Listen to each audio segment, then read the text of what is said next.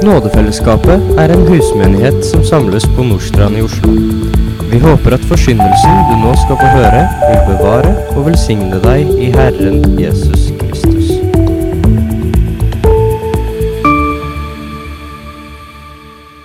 Men da Jesus fikk vite det, dro han bort derfra. Mange fulgte ham, og han helbredet dem alle.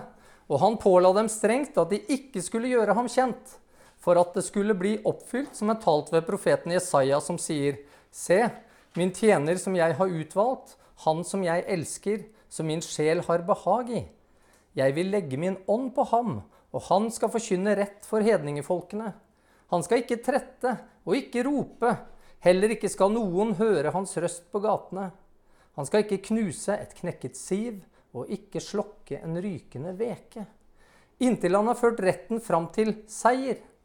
Og til hans navn skal hedningefolkene sette sitt håp.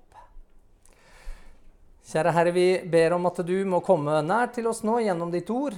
At det kan få være det nådemiddelet som det er ment å være. At jeg kunne få lov til å tale rett og sant og klart om det som du har sagt, Herre.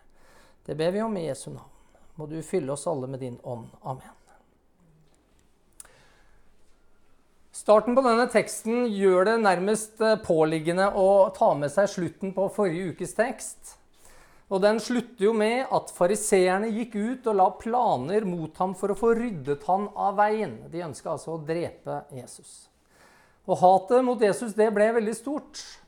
Så stort at man altså la planer, man konspirerte, man brukte mye tid og energi på å altså finne måter å drepe Jesus på. Og dette hatet det var så stort at mennesker som ideologisk sett altså befant seg nærmest på hver sin planet, de forena seg i kampen om akkurat å få rydda Jesus av veien. I Markus 3 så kan vi lese at fariseerne begynte å samarbeide med herodianerne. Og Det er ikke sikkert at det forteller dere så veldig mye, men fariseerne det var religiøse og konservative, og herodianerne var det vi ville kalle sekulære og liberale. Du kan omtrent ikke komme lenger unna eh, ideologisk sett. Men Jesus ble altså sett på som en så stor trussel at de gikk sammen. Hvorfor? Jo, det er enkelt å svare på, for Jesus han snakka sant. Når et samfunn er basert på stadig flere løgner oppå løgner osv., så, videre, så vil den største fiende av et slikt samfunn, av et slikt menneske, det vil være sannhet. Og Jesus han avslørte løgnene som begge disse gruppene bygde livet på. Selv om gruppene altså var helt forskjellige på alle måter. Alt ifra budskap, klesstil, livsførsel og politisk tilhørighet. Og likevel så tjente de samme herre. Satan han bryr seg ikke noe om du er religiøs eller sekulær. Om du er konservativ eller liberal. Om du er kapitalist eller sosialist. Eller du styres av antatt vitenskap, astrologi eller sjamaner. Alt det er helt greit for han så lenge du er bundet av noen av hans løgner. Så lenge hans løgner hindrer deg fra å se og akseptere sannhet, hindrer deg fra å se virkeligheten slik den egentlig er, eller sannheten om hvem du er, og ikke minst sannheten om hvem Gud er, slik som Gud har åpenbart det i sitt ord. Og Derfor er det bare sannhet som kan bryte ned Satans løgner. Og det er derfor det utløser det mest intense hat hos mennesker. Ikke bare hos mennesker, men det utløser hele Satans arsenal. Det blir åndskamp på toppen av den menneskelige kamp som uansett vil utspille seg hver gang man utfordrer tankene til andre. Og Hvis noen har bygga livet sitt opp på noen tankebygninger, og noen kommer og begynner å riste borti det stillaset, da klamrer du deg fast, sant? for du har ikke lyst til å falle ned. For å bruke det bildet. Du må gjerne få tid på deg, i hvert fall tid til å gå ned på en fornuftig måte, sånn noenlunde med æren i behold osv.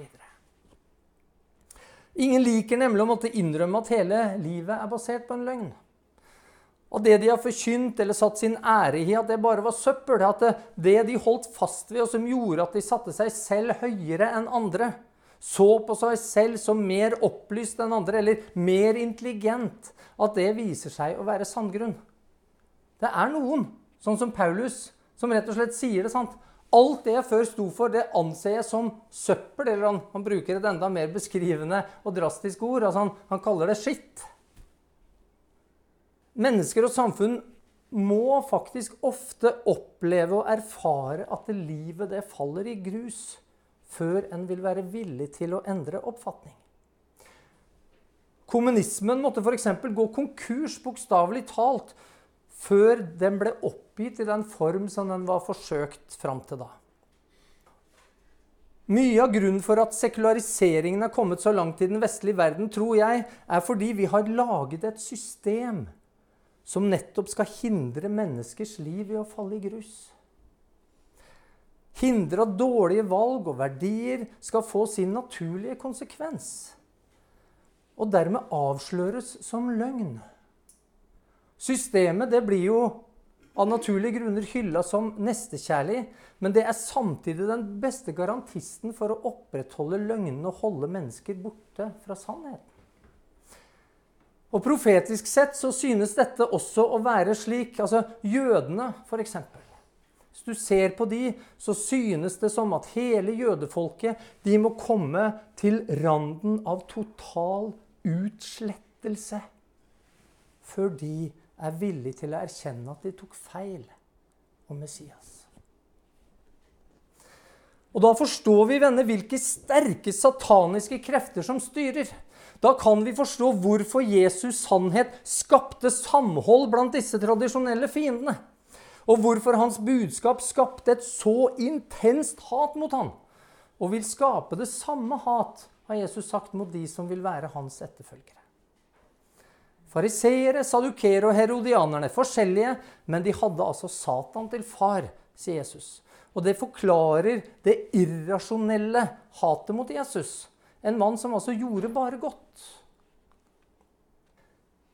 En av pionerene i kristent radioarbeid borte i USA, som heter Donald Barnhouse, han sier at på dette tidspunktet i denne teksten her i kapittel 12 så, så stoppa Israels klokke, sier han.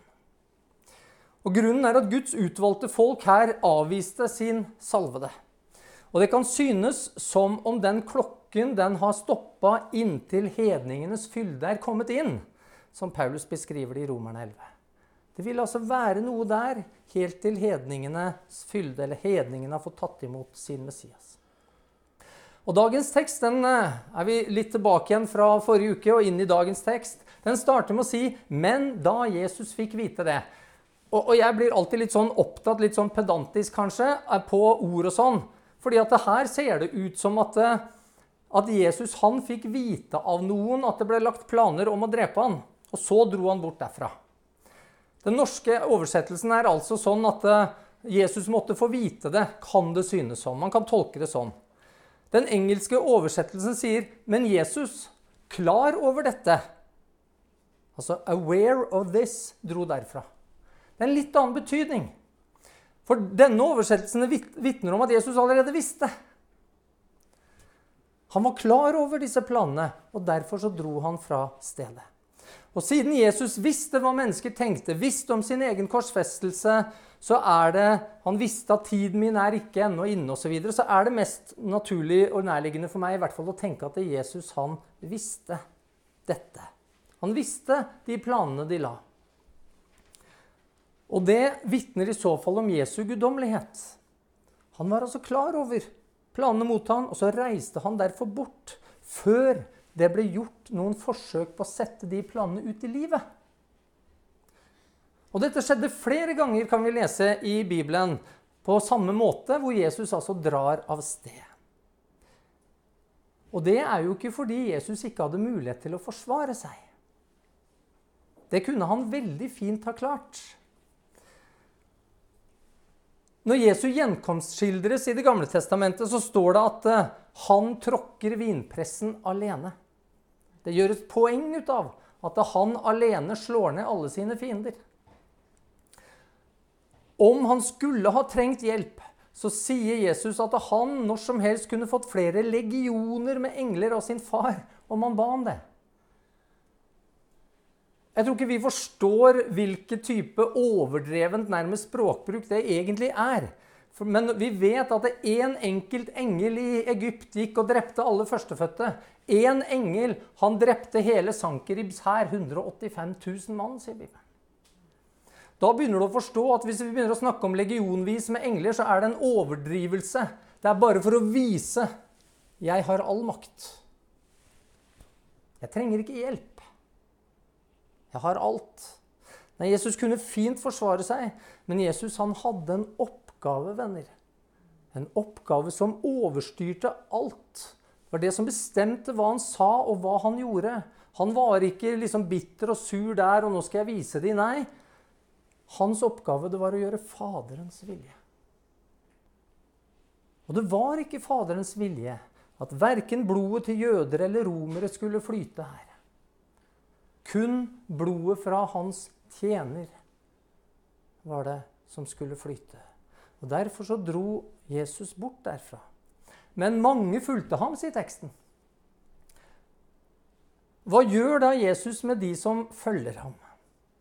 Han helbredet dem alle, står det. Vi har tidligere sett på her hvordan Jesu helbredelser og under de vitner om tre ting. i utgangspunktet. De vitner om at Jesus er herre over naturen, han er herre over det åndelige, han er herre over dødens makt. Han altså viser med sine under og, og helbredelser at han er herre over alle ting. Og Det vitner også dette om, men det er noe annet jeg vil trekke fram fra dagens tekst. Merk dere at det står at Jesus helbredet alle.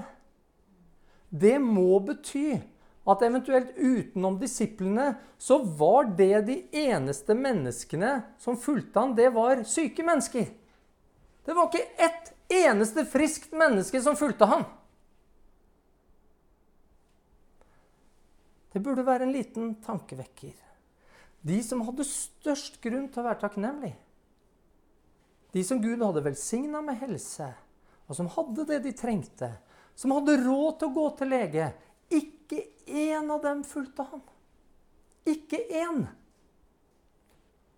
Det er selvfølgelig, forstår vi, vanskeligere for en som ikke forstår at han trenger noe fra Gud, altså en som mener seg å være rik, å tro at han trenger å følge etter noen eller få noe fra noen. Ja, det er faktisk så vanskelig, sier Jesus, at det er vanskeligere for en kamel osv. Med andre ord, det er umulig. Du må forstå noe først. Noe må gå opp for deg. Noe må åpenbares som ikke vi klarer av oss selv. Alle de som fulgte etter Jesus, de hadde noe de ville be ham om. Og sånn kan det være for mange mennesker. Men kjære venn, vær forsiktig med hva du ber Gud om. For du kan risikere å få det. For han hører nemlig bønn. Jeg vet ikke hvor mange her som vet hvem Matthew Perry er, men han er ingen kristen så langt vi kjenner til det. I hvert fall ingen kristen bekjennelse. Men første gang han bøyde seg ned og ba til Gud, så sa han, Vær så snill, Gud, gjør meg berømt. Du kan gjøre alt du vil med meg, bare gjør meg berømt.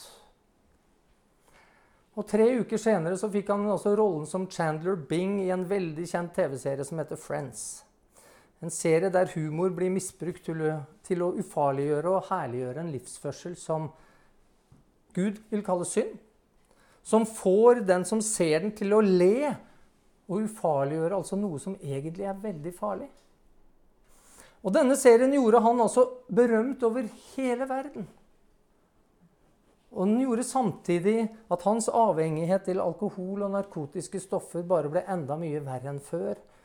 Og dette var en vane og et liv som han brakte med seg, som førte altså til hans død for noen måneder siden i en tidlig alder. Vær forsiktig med hva du ber om. Det kan godt hende at Gud vil gi deg det, og så vil det være akkurat det som hindrer deg fra å følge etter ham. Det som hindrer deg fra å fortsette din vandring med han og gå dit hvor han kaller deg. Og så er det ikke sånn at jeg her nå prøver å liksom forherlige lidelse eller sykdom på noe vis. Det, det er det ingen grunn til. For vi vet fra Bibelen at selv blant dem som Jesus helbredet fra sin sykdom, så avviste nesten alle ham. De fulgte ikke lenger med han, står det. Bare én av de ti spedalske kom tilbake og takket ham. Og han er jo den eneste som Jesus synes å erklære virkelig ble frisk. Ikke bare fysisk, men også åndelig sett. Vi må følge Jesus, men det kan altså ikke være fordi vi vil ha noe fra ham som gjelder det jordiske. Det er ikke grunn god nok til å følge Jesus. Det er mange som gjør det sånn. Name it and claim it, prosperity her og der, og du skal jo ikke være sjuk, og du skal bli rik, og Gud har bare store planer for ditt liv. De har nok ikke lest Gamletestamentet veldig nøye, hvor Gud snakker litt om akkurat det. Søk først Guds rike. Så skal dere få alt det andre i tillegg. Det er det Guds ord sier. Jesu budskap var da også at Guds rike var kommet nær. Men svært få jøder søkte akkurat det riket. De søkte veldig mye annet. Men Jesus han hadde noe han søkte først. Noe som altså overgikk alle andre behov og fristelser han kunne føle på. Han ville gjøre Faderens vilje. Og Han er altså vårt eksempel. Det er han vi skal etterstrebe og ligne. Og Gud viser oss i sitt ord hva vi trenger å be om å få. Og det handler ikke om berømmelse eller rikdom. Nei, faktisk handler det ikke om fysisk helse, men det handler om å tilbe Han, ønske at Hans rike skal komme, at Hans vilje skal skje. Og da kan vi forvente, står det, daglig brød, tilgivelse av synd både horisontalt og vertikalt, frihet fra fristelser og frelse fra det onde. Altså alt det andre. Israels klokke den stoppa opp fordi de søkte sitt eget rike først. Og de søkte sin egen vilje og sine egne behov først. Og det endte altså med en invasjon, med ekstremt mange som døde, at folket ble spredt rundt i verden, og de få som var igjen, de var en minoritet i sitt eget land. Og vår egen kultur har utviklet seg, synes det om, på akkurat samme måte det er meg, meg, meg, meg først. Og Det kan altså synes som også vår klokke tikker raskt mot en ende der mulighetene for akkurat den samme skjebne som møtte jødene, synes stadig mer troverdig. Jesus han gjorde Faderens vilje, og derfor så forlot han stedet uten at det kom til noen tumulter, og han helbredet alle. Og så står det og han påla dem strengt at de ikke skulle gjøre ham kjent. Og Dette er jo noen av de versene som vi noen ganger leser og så lurer vi på hva i alle dager? Altså, Var ikke hele poenget å bli kjent? sant? Det er liksom langt ifra å være veldig streng. altså Jeg tror ikke vi klarer å helt se for oss ofte Jesus streng, sant? Men, men han var det. Veldig streng. Fra det han sier der, og så sier han 'gå ut i all verden'. Det er en ganske stor forskjell på de to. Om dere husker det, så dere som går her vanligvis, så gikk vi gjennom skriftstedet der Jesus sier at hans etterfølgere skal være enfoldige som duer og listige som slanger. Og Da gjorde jeg et poeng ut av at det er en kristen sin kamuflasje i denne verden. Det er det som gjør at vi kan fortsette å vitne i en verden som hater oss, uten at den verden vil rydde oss av veien før tiden. Jesus han påla alle disse han helbredet, strengt at de ikke skulle gjøre han kjent. Og det gjorde han nok av flere grunner.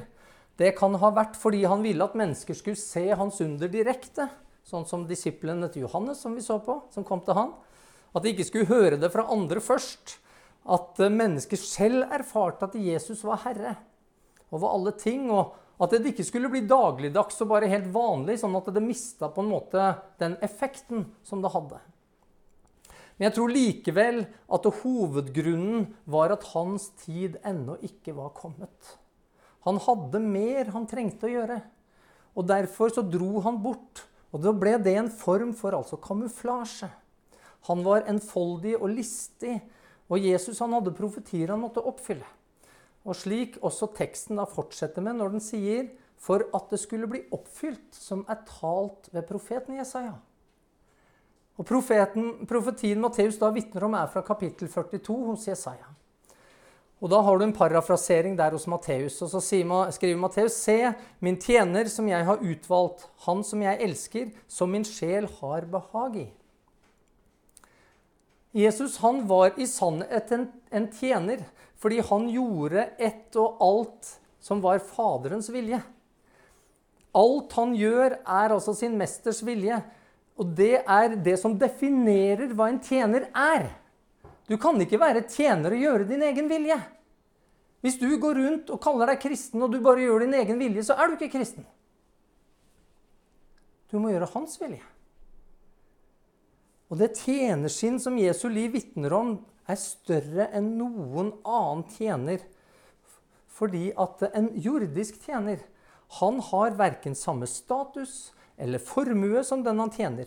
Han har neppe samme utdannelse. Åpenbart ikke samme stilling, anseelse eller innflytelse. Ikke samme makt eller de samme mulighetene. Altså Det er en grunn til at den ene tjener den andre. Men Jesus, og med han så var det helt annerledes. Filipperne 2 vitner veldig klart om dette. La dette sinn være i dere som òg var i Kristus Jesus. Han som, da han var i Guds skikkelse, ikke holdt det for et røvet bytte å være Gud lik han var lik. Jesus var Gud lik. Han var den evige sønn, evige Gud. Og likevel begynte han å tjene. Selv om det altså ikke var noen forskjell på å underordne seg altså de, de var likeverdige, og likevel så underordna Jesus seg Faderen. Og Jeg vet ikke om du kan kjenne sant, at det kan være vanskelig å underordne seg sjefen din, det kan være vanskelig å underordne seg ektefellen din, det kan være i hele tatt vanskelig å underordne seg. punktum. Men jeg tror ikke sjefen din eller ektefellen din har bedt deg dø på et kors. Dette tjenersinnet, ønsket om å gjøre Faderens vilje, det skal også være sånn som vi skal være, skriver Paulus. Hva vil ikke det bety i et ekteskap? I en menighet, i et samfunn? Hva skjer i disse sammenhengene dersom vi ydmyker oss og tjener hverandre istedenfor å forsøke å dominere og herske og være best? Faderen har alltid elska sønnen. Og han hadde behag i sin tjener fordi tjeneren gjorde Faderens vilje. Gud vitna slik over Jesus også to ganger i Det nye testamentet, ikke bare der i Jesaja. Men når Jesus ble døpt, og når Jesus ble forvandlet oppe på fjellet, så sier Gud altså 'Dette er min sønn, den elskede. I ham har jeg velbehag. Hør ham.' Ja, vi må høre på ham. Vi må følge ham fordi Jesus er den eneste Gud kan ha velbehag i. Han er den eneste. Vi får et lite glimt av det når vi leste altså tidligere at Gud fant ikke velbehag i nesten alle de som gikk i ørkenen, de som var døpt til Moses. For Gud han kan bare ha velbehag i én. Og Paulus han skriver i Romerne 8,8.: For de som er i kjødet, kan ikke være Gud til behag. Du kan ikke gjøre deg fortjent, du kan ikke gjøre noen ting som gjør at Gud vil ha behag i deg. Det finnes altså ikke et eneste menneske som i seg selv vil være Gud til behag.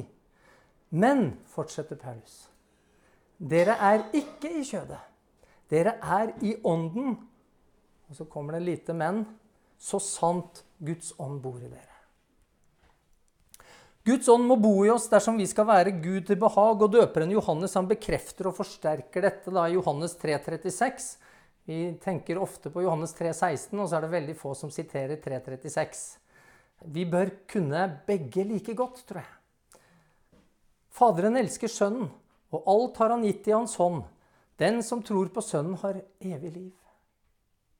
Men den som ikke vil tro på Sønnen, skal ikke se livet, men Guds vrede blir over ham.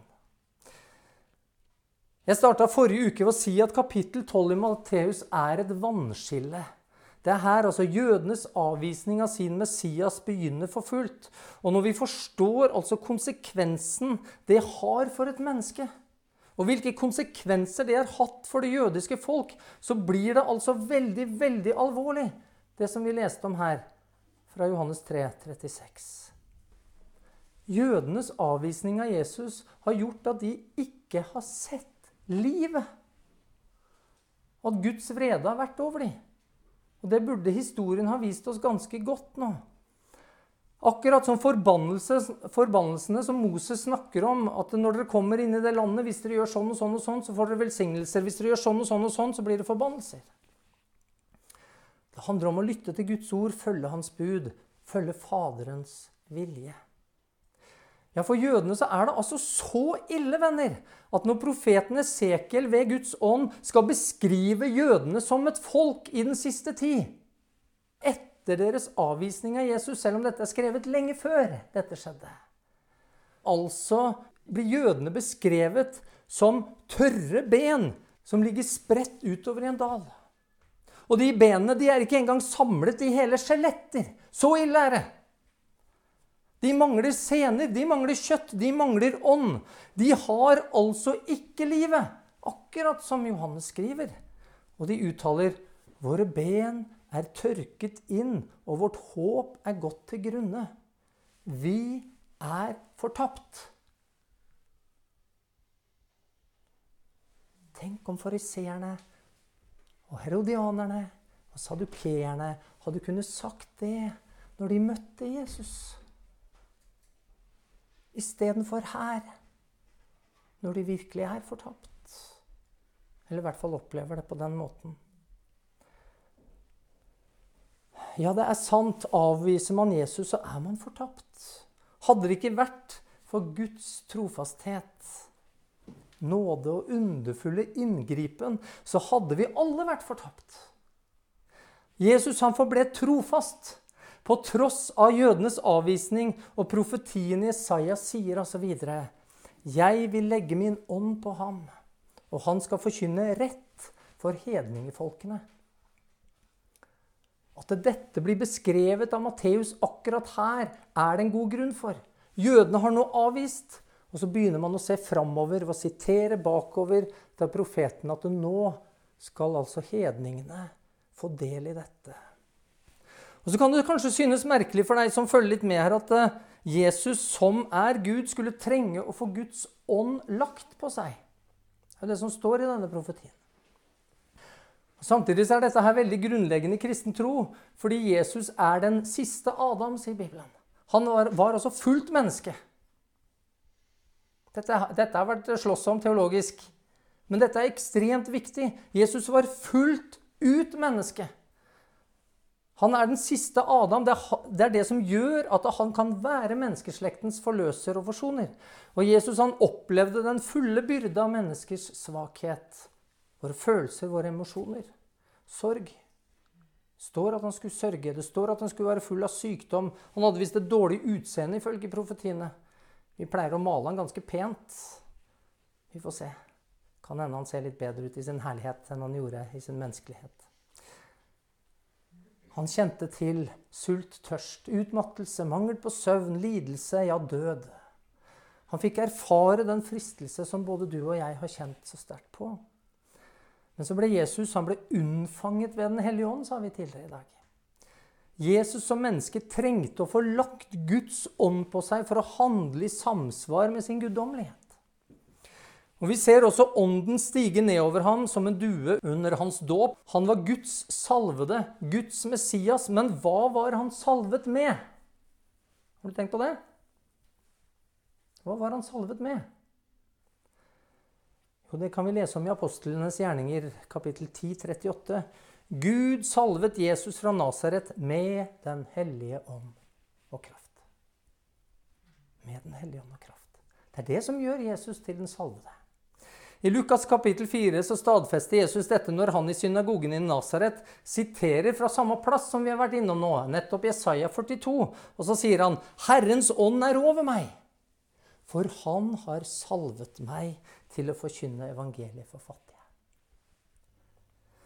Og det var som vi har sett allerede, det var de fattige som fulgte han. Og Jesus han brukte mye tid på de fattige, på de utstøtte. Men en må forstå sin egen fattigdom rett for å virkelig kunne ta imot ham. Salig er de fattige i ånden, sier Jesus.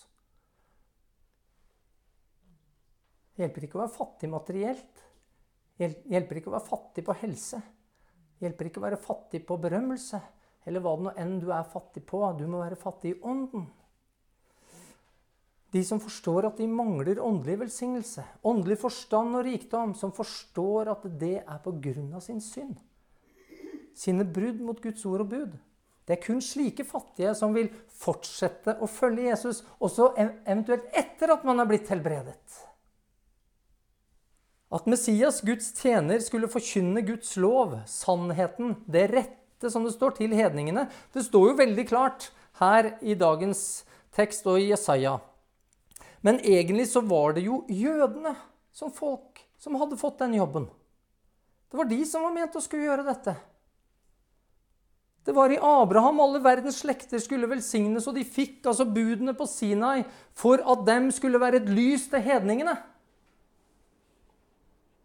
Og i stedet så hadde de i sitt hovmod og i sin stolthet begynt å se ned på de de skulle være lys til. Og hvor lett det er for meg også å bli det.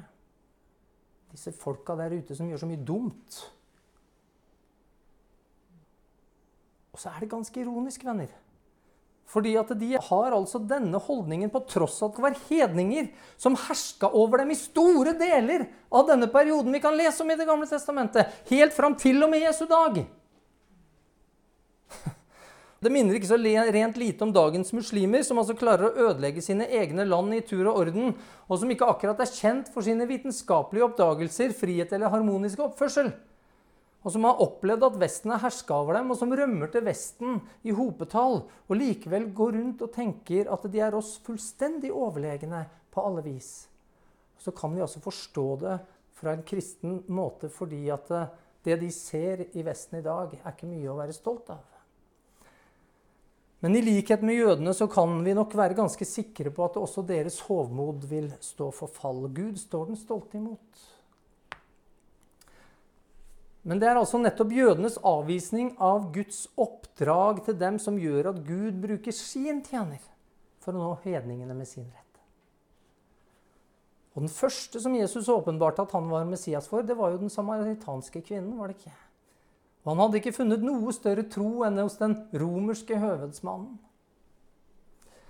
Og Jesus han viste slik omsorg for hedninger, og han behandlet dem som likeverdige med jøder, og det provoserte jødene voldsomt. Det ble regnet altså som en forbannet vranglære at Messias skulle frelse hedninger i dems teologi. Så står det videre i teksten vår.: Han skal ikke trette og ikke rope. Heller ikke skal noen høre hans røst på gatene. Jesus han skulle ikke krangle. Han skulle ikke stå der og slåss. Han skulle ikke stå der og mase og rope i munnen på sånne hecklers, som vi ville sagt på engelsk. Altså folk som sto der og sa imot hele tida. Han skulle heller ikke skrike og rope. Jesus manipulerte aldri sine tilhørere. Han brukte ikke fakter, han brukte ikke lys og røyk og, og, og alt mulig av effekter for å liksom tiltrekke seg folk. Han påvirka ikke ved å spille på fordommer eller følelser. Han forsøkte ikke altså å bruke mennesker på den måten. Han brukte ikke den mengden han samla seg, for deretter å begynne å gjøre noe som kunne påvirke i kraft av mengden. Det er også så lett å gjøre, også for oss som kristne. Nei, alt det var prega av ro, det var prega av orden, lære, ydmykhet. Og når det altså brygga opp til uro eller strid, så dro Jesus bort. Og Slik oppfylte han altså profetiene, og så bekrefta han faktisk også Salomo, som i Forkynneren 9,17 skriver De vises ord som høres i ro, er bedre enn rop fra en hersker blant dårene. Noen ganger jeg skulle ønske at en del kirker hadde sett litt mer på det. Ofte skal vi lage så mye ståk og ståhei, så mye show. Vi skal rope og skrike og påvirke, på, liksom påkalle verdens oppmerksomhet. Nei. De vises ord som høres i ro, er bedre enn rop fra en hersker blant årene. Vi har allerede sett på hvem det var som fulgte Jesus. Det var altså syke og fattige, syndere og tollere, mennesker som verden ikke hadde mye til overs for. Og Slik viste Jesus Guds omsorg og vilje og oppfylte profetiene. Og Dagens tekst sier da han skal ikke knuse et knekket siv, ikke slokke en rykende veke. Jesus han kom altså ikke for å trampe ned det som var blitt forkasta av mennesker. En gjeter han lagde gjerne en liten fløyte av siv til å sitte og spille på. Noe måtte han fordrive tida med der ute. Og etter hvert så ble jo det mjukt og spytte og sånn, og da ville det fort bøye seg og, og, og knekke osv. Og, og da ble det instrumentet gjerne bare Det ble jo ubrukelig, og så ble det gjerne knekt og kasta på bakken. Og når oljen tok slutt, og veken derfor brant på en måte til bånn, så var det egentlig bare en sånn rykende haug igjen. Den var altså ikke brukelig til noe som helst, de to tingene. De, var, de ble kassert. Og der altså all logikk tilsa at det ikke var håp. Det fins altså ikke ett menneske som kan ta en smuldrende veke og få den til å fungere igjen. Det finnes ikke ett menneske som kan ta en plante og få den planten til å bli bra igjen. Vi har ikke den skaperkraften. Der noe var ødelagt, slik at det var utenfor et menneskes evne til å reparere det. Der altså alt tilsa at det var gjort klart til å dø. Kaste det fra seg. Der profeterer Gud at han ikke vil forkaste, men han vil forbinde. Og Jesus han viste gjennom sine under at han hadde makt til å reise opp. Til å skape nytt liv selv der døden var kommet og slukt det. Der hvor alt håp menneskelig sett var ute. Venner, dette, dette er ikke bare noe Jesus gjorde den gang. Profetien sier at det skal Jesus fortsette med inntil han har ført retten fram til seier. Og Hvis vi kunne si halleluja, så må det være der. Til seier. Pris Gud. Det er håp for deg. Det er håp for meg, uansett hvordan vår tilstand er. Om du føler deg helt ødelagt, så kan Jesus likevel reparere og reise deg opp. Om ekteskapet føles nedbrent, alle følelser er døde, så kan flammen tennes på nytt. Lytt til Jesajas egne ord. I sannhet skal han føre retten ut til dem, altså til hedningefolkene. Han skal ikke bli utmattet. Og hans kraft skal ikke bli knekket før han har grunnlagt retten på jorden, over hele jorden. Og hans lov venter, eller på hans lov venter fjerne kyster. Og så kan jeg altså stå her 2700 år etterpå, 2000 år etter at Jesus levde på jorden, og vitne om at det oppfylles like sterkt i dag som da Jesus først kom. Hans rett kom til Norges kyster. Og til hans navn skal hedningefolkene sette sitt håp. Han er mitt håp. Jeg håper han er ditt håp.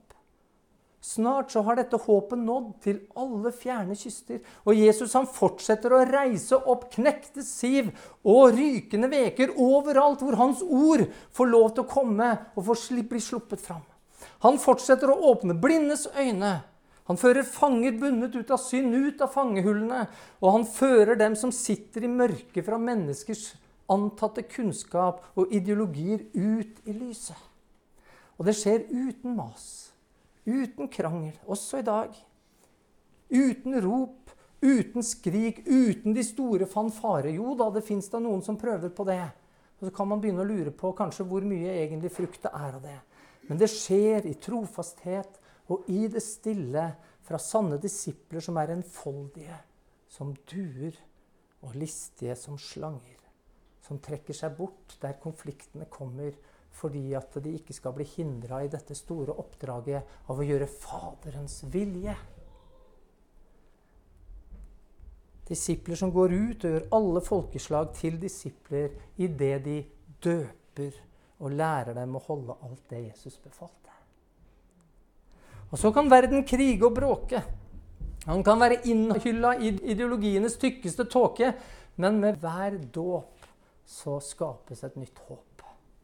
Et håp som er så sterkt at ikke bare knekte syv og rykende veker kan få nytt liv. Men profetiene viser oss altså at selv de tørreste døde ben de skal samles. De får sener på seg, de får kjøtt på seg. Og til slutt så venter vi nå bare på at Herren skal blåse sin ånd inn i sitt folk Israel, som altså avviste ham. Venner, det er nåde.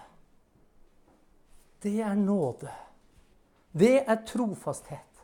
Løftene, de kan ikke svikte. Og så er det akkurat denne Herren som vi tjener. Det er han vi døper våre barn til, eller voksne hvis de er kommet til tro senere, eller om man ønsker en voksendåp, eller tronedåp, som det heter. Så vi er ikke fremmede for det heller. La oss holde oss nær til Han og de som altså utgjør Hans sanne kirke. Ja, kjære Herre, vi vil takke deg for ditt ord. Herre, det blir så klart for oss at du er stor, at du er god, Herre. At løftene dine holder. At du er en ydmyk tjener. Og Herre, vi kan kjenne at vi har langt igjen etter å ligne deg på den måten. Og Herre, om vi kunne klare det enda litt bedre i denne uka som ligger foran. At vi kunne underordne oss, tjene i stillhet og med tillit til at du gjør ditt verk slik som det har vist seg gjennom hele verdens historie. Ja, det ber vi da om i Jesu navn.